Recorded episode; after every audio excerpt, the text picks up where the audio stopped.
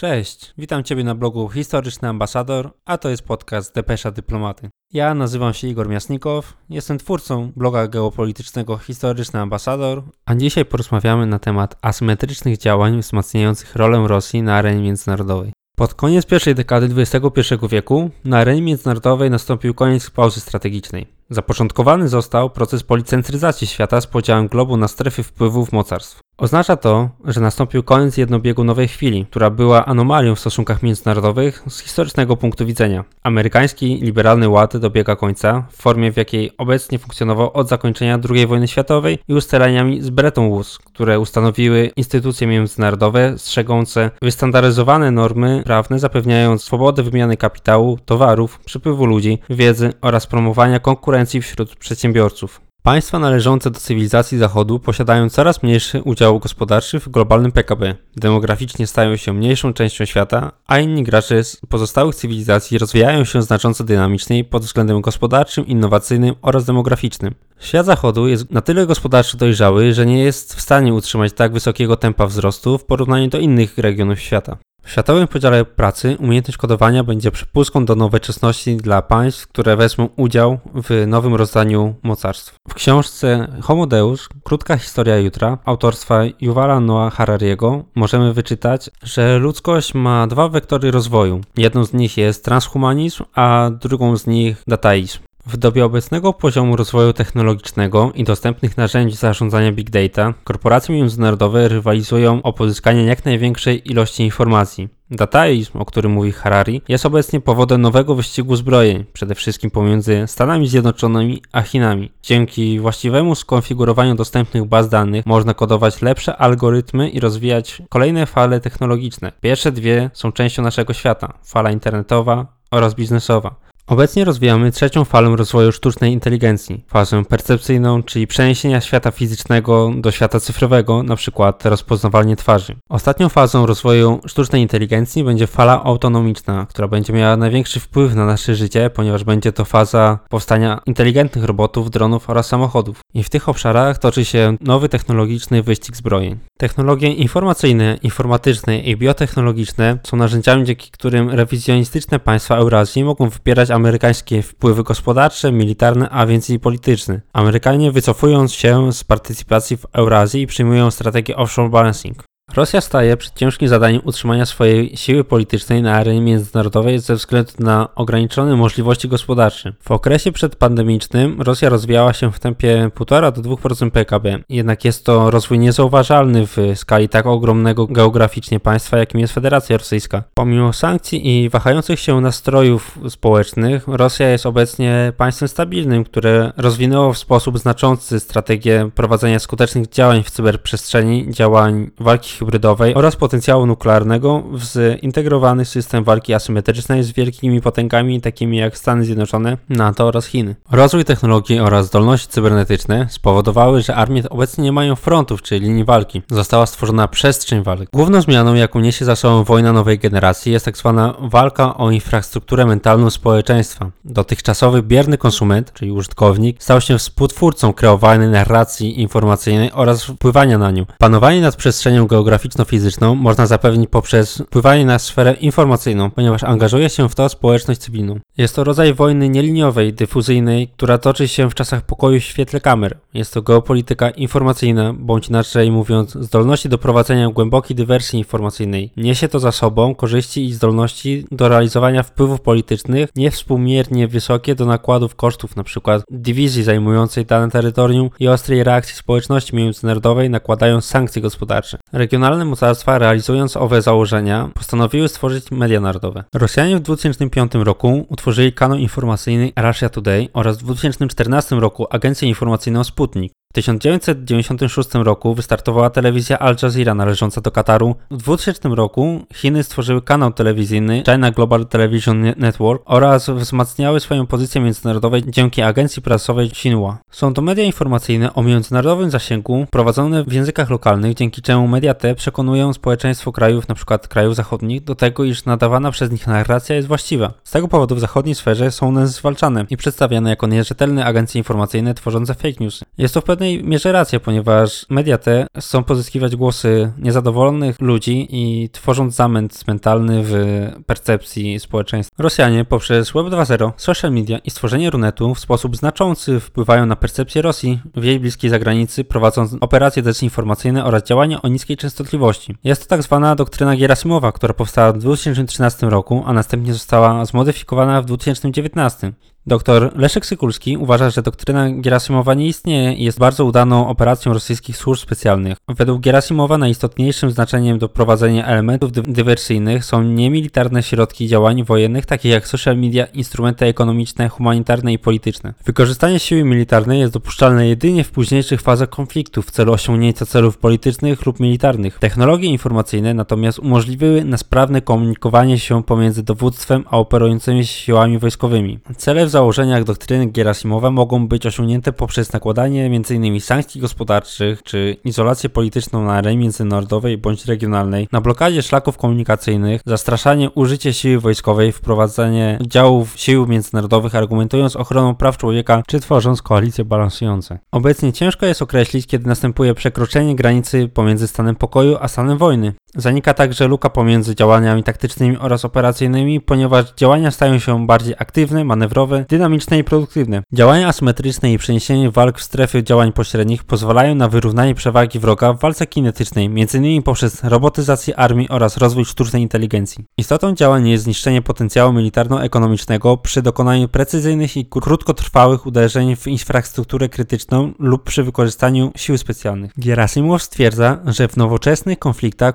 kluczowa jest ochrona swoich obywateli, obiektów strategicznego przeznaczenia oraz infrastruktury odpowiedzialnej za łączność. Włodzimierz Bączkowski stwierdził, że głęboka akcja polityczna nacechowana treścią dywersyjną, rozkładową i propagandową jest główną siłą Rosji i przyczyną jej trwałości. Cele polityczne Rosja musi dostosowywać do dostępnego spektrum środków, a czynniki moralne nie mogą być pominięte w dyskusjach o potencjalnym konflikcie. Siła Rosji nie tkwi w jej gospodarce czy wojsku. Jej siła tkwi w prowadzeniu działań dywersyjnych wobec swojego otoczenia, prowadząc walkę informacyjną, działania w cyberprzestrzeni, walkę wywiadów, walkę o narrację historyczną, etc. Jest to wojna nowej generacji, w której prowadzone są akcje propagandowo-dywersyjne poniżej progu otwartego konfliktu. Walka wywiadów jest jedną z najistotniejszych bitew w obecnych czasach. Zdolności armii znajdują się na dalszym planie. To służby manipulują ludźmi, a obecnie społeczeństwo ma istotny wpływ na bieg wojny i na decyzje polityczne. Rosjanie wyspecjalizowali specjalizowali się w prowadzeniu walki informacyjnej, a także prowadzeniu biznesu w tej sferze.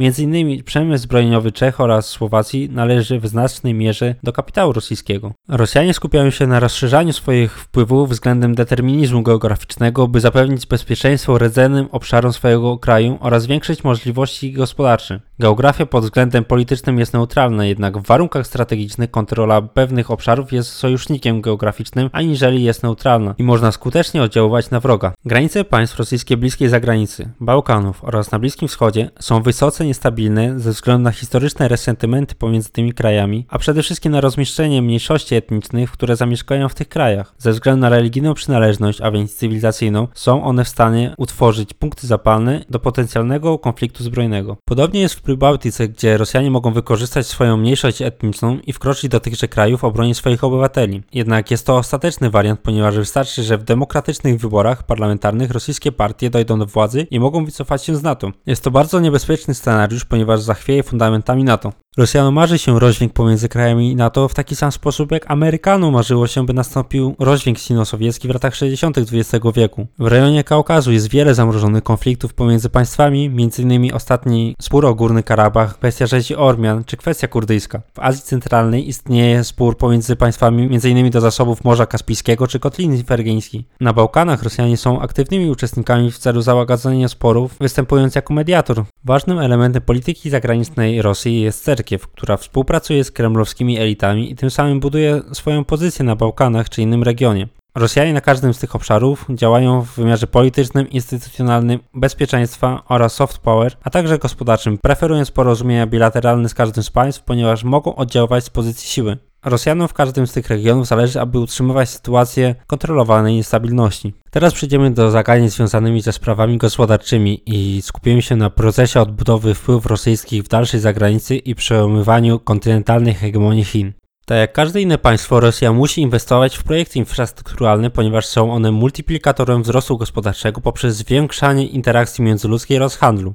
Obszary zaniedbywane przez państwo lub w których dane państwo nie czyni modernizacji wyznacza własną słabość. By minimalizować przewagę, którą posiada przeciwnik, Rosja musi postępować agresywnie wobec swoich konkurentów.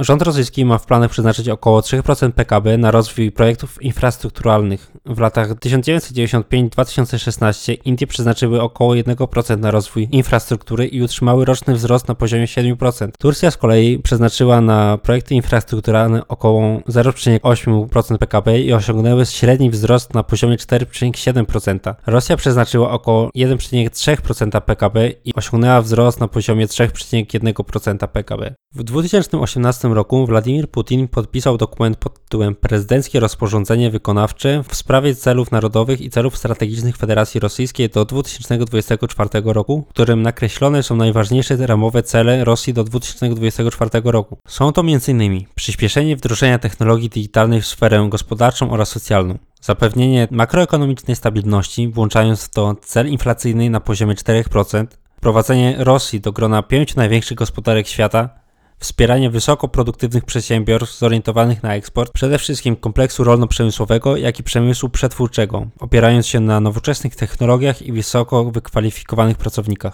Federacja Rosyjska dalej pragnie rozwijać korytarze handlowe na kierunkach wschód-zachód, wpisując się tym samym w Belt and Road Initiative oraz północ-południe, łącząc Rosję oraz Indię, wzmacniając zdolności przeładunkowe portów rzecznych na rosyjskim Dalekim Wschodzie, północnym zachodzie, korytarzy Wołga-Morze Kaspijskie oraz Azow-Morze Czarne. Istotnie będą rozbudowywane korytarze kolejowe do portów w Azowie oraz Noworoskisku. Zgodnie z założeniami Rosja będzie dążyć do zmniejszenia czasu przeładunku ze statków na kolej do 7 dni, zwiększając czterokrotnie częstotliwość przepustowości kolejowej, tworząc nowe centra logistyczne i transportu multimodalnego, zwiększając fracht cargo do 80 milionów ton na trasie północnego szlaku arktycznego. Istnieje także koncepcja nowego polarnego szlaku wiodący przez Jakusk i rzekę Leny, czyli obszary, które nie są kontrolowane przez floty Stanów Zjednoczonych. Rosyjski RZD i Deutsche Bank chcą wykorzystać transport intermodalny z kolei na promy, wykorzystując port w Ustjudze koło Petersburga, używając wielkich barek, by połączyć Rosję oraz Niemcy. Alternatywą może być transport z Kaliningradu do portów niemieckich, omijając Europę Środkowo-Wschodnią. Nie da się jednak ominąć Europy Środkowo-Wschodniej. Można jedynie ograniczyć w znaczącym stopniu doprowadzenia wymiany handlowej. Na cele przedstawione w rozporządzeniu prezydenckim Rosja przeznaczy około 390 miliardów euro do 2024 roku. Na przebudowę infrastruktury będącej w rdzennych obszarach kraju zostało przeznaczone około 80,5 miliarda euro, czyli 25% całkowitej kwoty. Na rozwój infrastruktury drogowej przeznaczone zostało 64,5 miliarda euro, a na cele ekologiczne, czyli m.in. walkę z zanieczyszczeniami powietrza oraz dbaniem o wielkie obszary naturalne, zostało przeznaczonych 54,5 miliarda euro. Projektem, który ma wzmocnić połączoność Europy oraz Azji, ma być budowa liczącej 8000 km czteropasmowej autostrady łączącej Mińsk z kazachskim Sagrachinem. Obecnie budowany jest odcinek 2000 km, który ukończy całą trasę i za około 12 lat rozpocznie ona funkcjonować. Trasa ta zmniejszy czas transportu towarowego z Europy do Chin do około 12-14 dni, a więc skróci czas transportu o około tygodnia względem transportu kolejowego, który trwa od 15 do 21 dni, czy względem transportu szlakami morskimi, które wymagają 21 albo nawet 45 dni, by dostarczyć towary z Chin do Europy. Będzie to impuls do rozbudowy sieci głównych dróg w Azji Centralnej. Realizacja projektu pochłonie około 600 miliardów rubli, czyli około 10 miliardów euro. Chińczycy zainwestowali w projekt kolei dużych prędkości Kazań-Moskwa przez Niżny Nowogród oraz Wladimir. Trasa ta skraca czas podróży o prawie 11 godzin. Rosjanie będą zaangażowanymi na Bliskim Wschodzie, prowadzą dyplomację gospodarczą na najwyższym światowym poziomie. Będą zaangażowanymi w Syrii, współpracują z Iranem w aspekcie gospodarczym oraz koordynują działania operacji lądowych sił Iranu oraz rosyjskiego lotnictwa. Należy pamiętać, że Iran jest największym konkurentem Federacji Rosyjskiej o rynek europejski. Amerykańska polityka sankcji wobec Iranu sprzyja rozwijaniu biznesu rosyjskiego w tym kraju, który pozyskuje lukratywne kontrakty energetyczne. Iran poprzez amerykańskie sankcje traci impet gospodarczy, a więc straci wpływy polityczne w krajach, które je zdobył przez ostatnią dekadę. Takim krajem jest w szczególności Syria, a utracone wpływy przez amerykańskie sankcje są zyskiem wpływów Rosji w Syrii, kosztem Iranu. Potencjalna daleka blokada wykonana przez Amerykanów w cieśninie Ormus jest pozytywnym sygnałem dla Federacji Rosyjskiej ze względu na zamknięcie morskiej drogi eksportu gazu oraz ropy naftowej, co w konsekwencji powoduje, że Rosja jest najistotniejszym graczem w zakresie gwarancji eksportu surowców energetycznych na rynki europejskie z dużym udziałem udziałem Turcji jako swojego partnera. Następstwem jest rozwijanie więzi gospodarczych Rosji z Iranem oraz ukierunkowanie tych relacji na tworzenie wspólnej infrastruktury w projekcie międzynarodowego korytarza transportowego północ-południe, którego rynkiem zbytu mają być Indie. Rosyjskie Ministerstwo do Spraw Energii podpisało memorandum z Iranem oraz Pakistanem w sprawie uczestnictwa w budowie gazociągu Iran-Pakistan-Indie, a obecnie przeprowadzane są negocjacje z Indiami. Natomiast sprawa Kaszmiru może spowodować, że zostanie rozbudowana jedynie jedna nitka gazociągu Iran-Pakistan o przepustowości rocznej 22 miliardy metrów sześciennych z perspektywą wzrostu przepustowości do 55 miliardów sześciennych, czyli tyle ile ma Nord Stream 2. Konkurencyjnym projektem jest gazociąg Turkmenistan, Afganistan, Pakistan, India, w skrócie TAPI, o rocznej przepustowości 3,2 miliarda metrów sześciennych, a złoża gazu są ulokowane w turkmeńskim Glikskin. Gazociąg TAPI przebiega wzdłuż autostrady Kandahar-Herat, który łączy oba strategiczne miasta, by następnie móc połączyć się z Kabulem. Dodatkowo Expo Bank Russia jest zainteresowany otwarciem działalności w sektorze pakistańskiej bankowości. Rosjanie pomimo otwartej współpracy z Turcją na rzecz nowego ładu na Bliskim Wschodzie współpracują z każdym z państw na Bliskim Wschodzie, nawet także z Kurdami. Rosniew przejął 60% udziału w kurdyjskim przedsiębiorstwie KAR, co pozwoli mu na kontrolę najistotniejszego rurociągu w irackim Kurdystanie. Podpisany kontrakt przedpłat na zakup kurdyjskiej ropy opiewa na wartość 1 miliarda dolarów oraz daje 80% udział w produkcji kurdyjskiej ropy z pięciu złóż na terenie irackiego Kurdystanu. Pomimo tego Kurdowie upatrują swoją niepodległość dzięki współpracy ze Stanami Zjednoczonymi. Rosjanie natomiast chcą stworzyć nowy ropociąg z Kirkuku do granicy z Turcją, omijając terytorium irackiego Kurdystanu. Porzucenie Kurdów przez Stany Zjednoczone tworzy niepewność w innych graczach na Bliskim Wschodzie oraz strukturach NATO. Rosjanie natomiast konsolidują swoje wpływy w tym regionie. W 2019 roku Rosja, Azerbejdżan oraz Iran podpisały porozumienie w sprawie przeprowadzenia studium wykonalności stworzenia jednolitego systemu połączeń sieci elektronicznych w korytarzu północ-południe North-South Energy Corridor. Jest to odcinek większego połączenia, jakim jest korytarz transportowy północ-południe, który zaczyna się w Rosji, przechodzi przez Iran, by osiągnąć rynek zbytu Indii, o którym wcześniej mówiliśmy. Jest to projekt multimodalnych połączeń kolei, autostrad, energetyki oraz frachtu, który ma podnieść intensywność wymiany handlowej pomiędzy krajami. W 2018 roku Rosja udzieliła kredytów na rozwój infrastruktury w Iranie na potrzeby korytarza transportowego północ-południe w wysokości 3 miliardów dolarów. Rosja jako jedno spójne państwo proponuje stabilność przewozu towarowych poprzez wyeliminowanie pośrednich krajów dla państw azjatyckich, by osiągnąć zachodnioeuropejskie rynki zbytu. Korytarz ten może być rozbudowany w stronę portu w Petersburgu. Należy pamiętać o inicjatywie kolejowego Nord Stream z pominięciem terytoriów krajów Europy Środkowo-Wschodniej, osiągając bezpośrednio rynek niemiecki. Iran wraz z Rosją podpisały porozumienie współpracy pomiędzy swoimi marynarkami wojennymi na Morzu Kaspijskim. Irański ambasador w Rosji Mehdi Sanai zaproponował zwiększenie ruchu towarowego cargo poprzez komercyjny port morski w Machaczkale oraz wybudowanie bezpośredniego połączenia kolejowego pomiędzy Machaczkalą a Teheranem. Rosjanie zaoferowali Iranowi możliwość wykorzystywania ponad 100 km wewnętrznego systemu rzecznego Wołga-Don łączącego Morze Kaspijskie z Morzem Azowskim i Morzem Czarnym do eksportowania irańskiej ropy naftowej. Ma to być alternatywna trasa dla handlu przez kanał Suezki, który jest kontrolowany przez amerykańską projekcję sił. W 2018 roku Nursan Nazarbayev zaproponował utworzenie 700-kilometrowego rzecznego kanału euroazjatyckiego, który miałby połączyć kraj Azji Centralnej poprzez Morze Kaspijskie z Morzem Czarnym. Projekt ma skrócić dotychczasową trasę docierając do obszaru systemu Wołga-Don o 1000 km oraz będzie posiadał przepustowość do 45 milionów ton rocznie. Ten projekt jest szczególnie ważny dla samego Kazachstanu, Azerbejdżanu, Turkmenistanu oraz Iranu. Natomiast trasa będzie znajdować się pod kontrolą Rosji. Należy pamiętać, że Iran jest naturalnym rywalem Rosji o rynek europejski. Dzięki amerykańskim sankcjom gospodarczym Rosjanie mogą podporządkować sobie kluczowe gałęzie gospodarcze Iranu. Europa jest zainteresowana współpracą energetyczną z Iranem, który nawołuje do stworzenia kartelu gazowego. W przyszłości dzięki LNG może powstać kartel podobny do OPEC. Nie może on powstać w chwili obecnej, ponieważ rynek gazu nie jest rynkiem globalnym, a dzieli się na trzy wielkie niezależne od siebie rynki: rynek europejski, rynek amerykański oraz rynek azjatycki z niezależną od siebie infrastrukturą przesyłową. Rosja, Indie oraz Iran są zdeterminowane do wspólnego rozwijania liczącego 7200 tysięcy km korytarza transportowego północ-południe. Będą to intermodalne korytarze kolejowe, morskie oraz drogowe. Jedna z głównych tras wiedzie z Indii do irańskiego portu Bandar Abbas, cieśnina Ormus, w którym dokonuje się 70% ogólnego irańskiego przeładunku morskiego i z którego towary będą przetransportowywane drogą lądową do Bandar Ansari, Morze Kaspijskie, by dotrzeć drogą morską do rosyjskiego portu w Astrachaniu i być rozładowywanym na kolei w kierunku Moskwy i dalej na rynki europejskie. Trasa ta skraca czas oraz koszty frachtu o 40%. Czas transportu pomiędzy Mumbajem a Moskwą wyniesie 20 dni. Przewidywana przepustowość roczna szacowana jest na 30 milionów ton towarów. Dla Indii ważnym partnerem w projekcie korytarza północ-południe jest Afganistan, który omija Pakistan, a więc omijany jest spór o Kaszmir.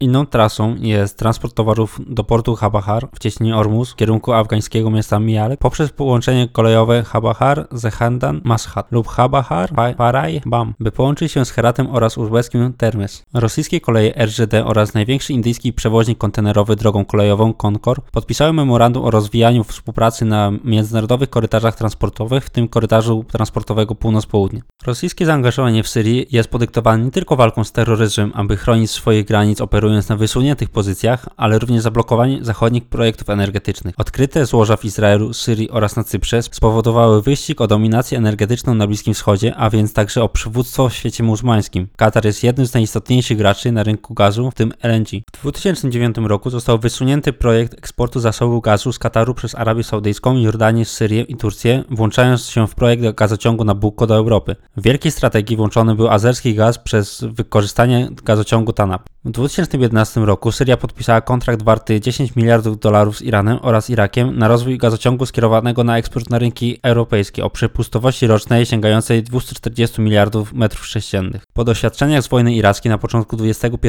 wieku Rosja w 2015 roku zdecydowała się chronić swoje kontrakty wydobywcze w Syrii oraz skutecznie kontrolować wojskowe oddziaływanie na wschodni obszar Morza Śródziemnego, Turcję, Kaukaz oraz Azję Centralną. W 2019 roku państwa należące do Euroazjatyckiej Unii Gospodarczej zatwierdziły dokumenty wprowadzające koncepcję wspólnego rynku finansowego pozwalającego na liberalizację przepływu kapitału oraz usług. Podczas szczytu w 2019 roku w formacie obrad Euroazjatyckiej Unii Gospodarczej był rozszerzony o Mołdawię, Iran oraz Singapur. Należy pamiętać, że Turcja wyraziła chęć wstąpienia do Szanghajskiej Organizacji Współpracy, wstrzymując możliwości przystąpienia do Unii Europejskiej. Podczas szczytu w Erewaniu podpisano umowę o wolnym handlu z Singapurem, a od 2018 roku Euroazjatycka Unia Gospodarcza posiada taką umowę z Iranem. W 2019 roku Serbia dołączyła do Euroazjatyckiej Unii Gospodarczej. W planach tej organizacji jest utworzenie jednolitego rynku dla przemysłu i cen gazu oraz ropy i energii elektrycznej.